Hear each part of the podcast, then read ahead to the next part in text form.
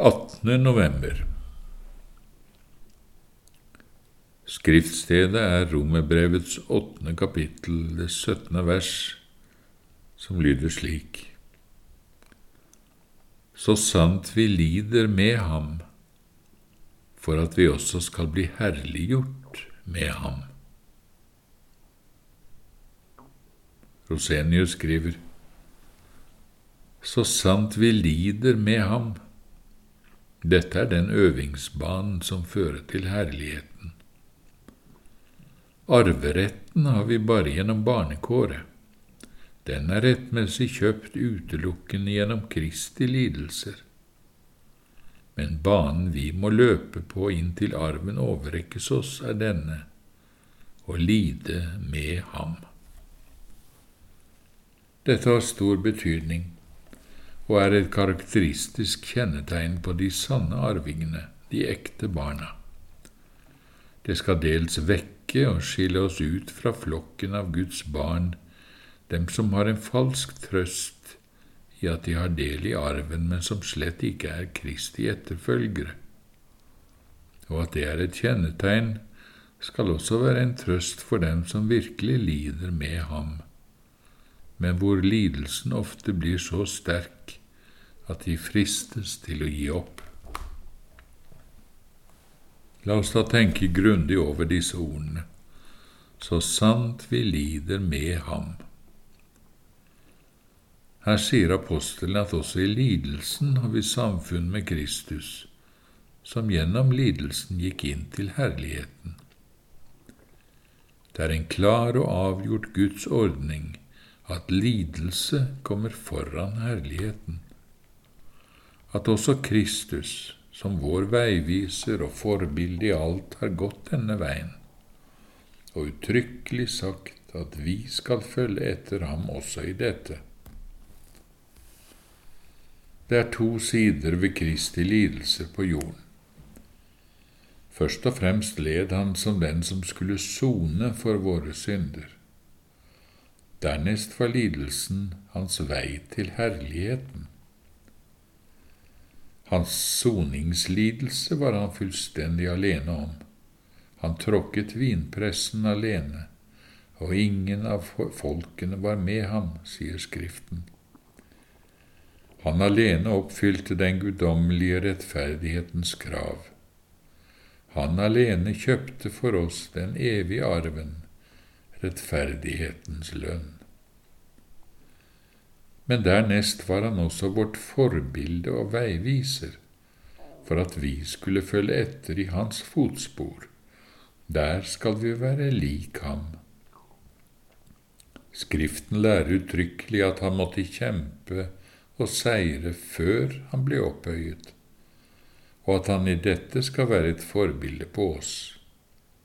Selv sier han også, Den som seirer, Ham vil jeg gi å sitte med meg på min trone, slik jeg også har seiret og satt meg med min far på hans trone. Lidelsen er altså den lodd alle Kristi medarvinger har her på jord, sammen med den førstefødte.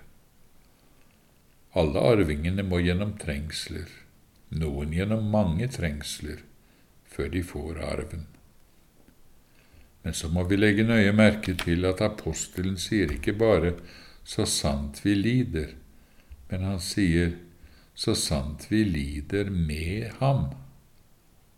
For det er slett ikke enhver lidelse som er et tegn på at vi er Kristi medarvinger. Den ugudelige har mange lidelser, og alt som lever på jorden, lider. Nei, her er det tale om den lidelse vi har på grunn av vårt samfunn med Kristus, og som Kristi etterfølgere. Altså ikke bare verdens fiendskap og hån, men også den anfektelse på grunn av synd, kjødet og Satan, som nettopp er en følge av vårt samfunn med Kristus. Og til slutt også de lidelser som er Herrens tukt, og som alltid kjennetegner hans ekte barn.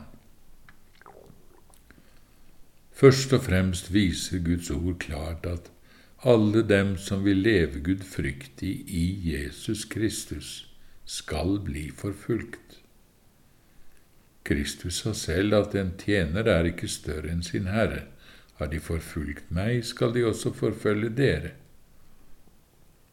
Hvis altså noen vil være en kristen, trøste seg til at han eier troen og det evige liv, men har en kristendom og gudsfrykt som godt kan leve sammen med denne verden og være elsket og respektert av folk flest, da ligger det bare i dette et uhyggelig og avgjørende tegn på hva slags gudsfrykt han har.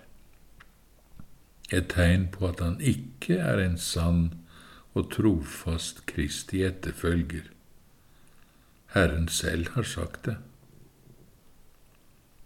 Til det å lide med Kristus hører også all den lidelse synden og Satan påfører oss, og som vi har bare fordi vi lever i samfunn med Kristus. I angst og nød bar Kristus all verdens synd. Han kjempet, ba og svettet i Getsemane.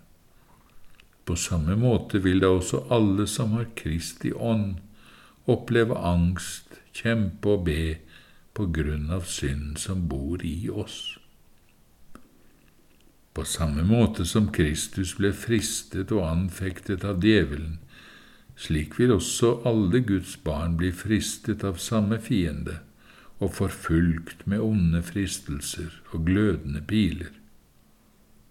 Vil så noen være en kristen, men har en form for tro og gudsfrykt som gjør at synd ikke plager dem, og djevelen ikke frister og anfekter dem. Vi lever hver dag i en sterk, frimodig og fredelig sinnstilstand.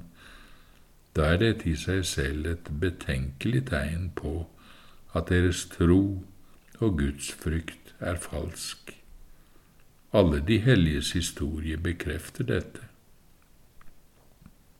Likevel, det er én ting som først må være klart før vi kan si om en person lider med Kristus. Han må først og fremst være et Guds barn, en sjel som ikke lever etter kjødet, men etter ånd, ja, som drives av Guds ånd, og i denne ånd roper Abba, kjære far.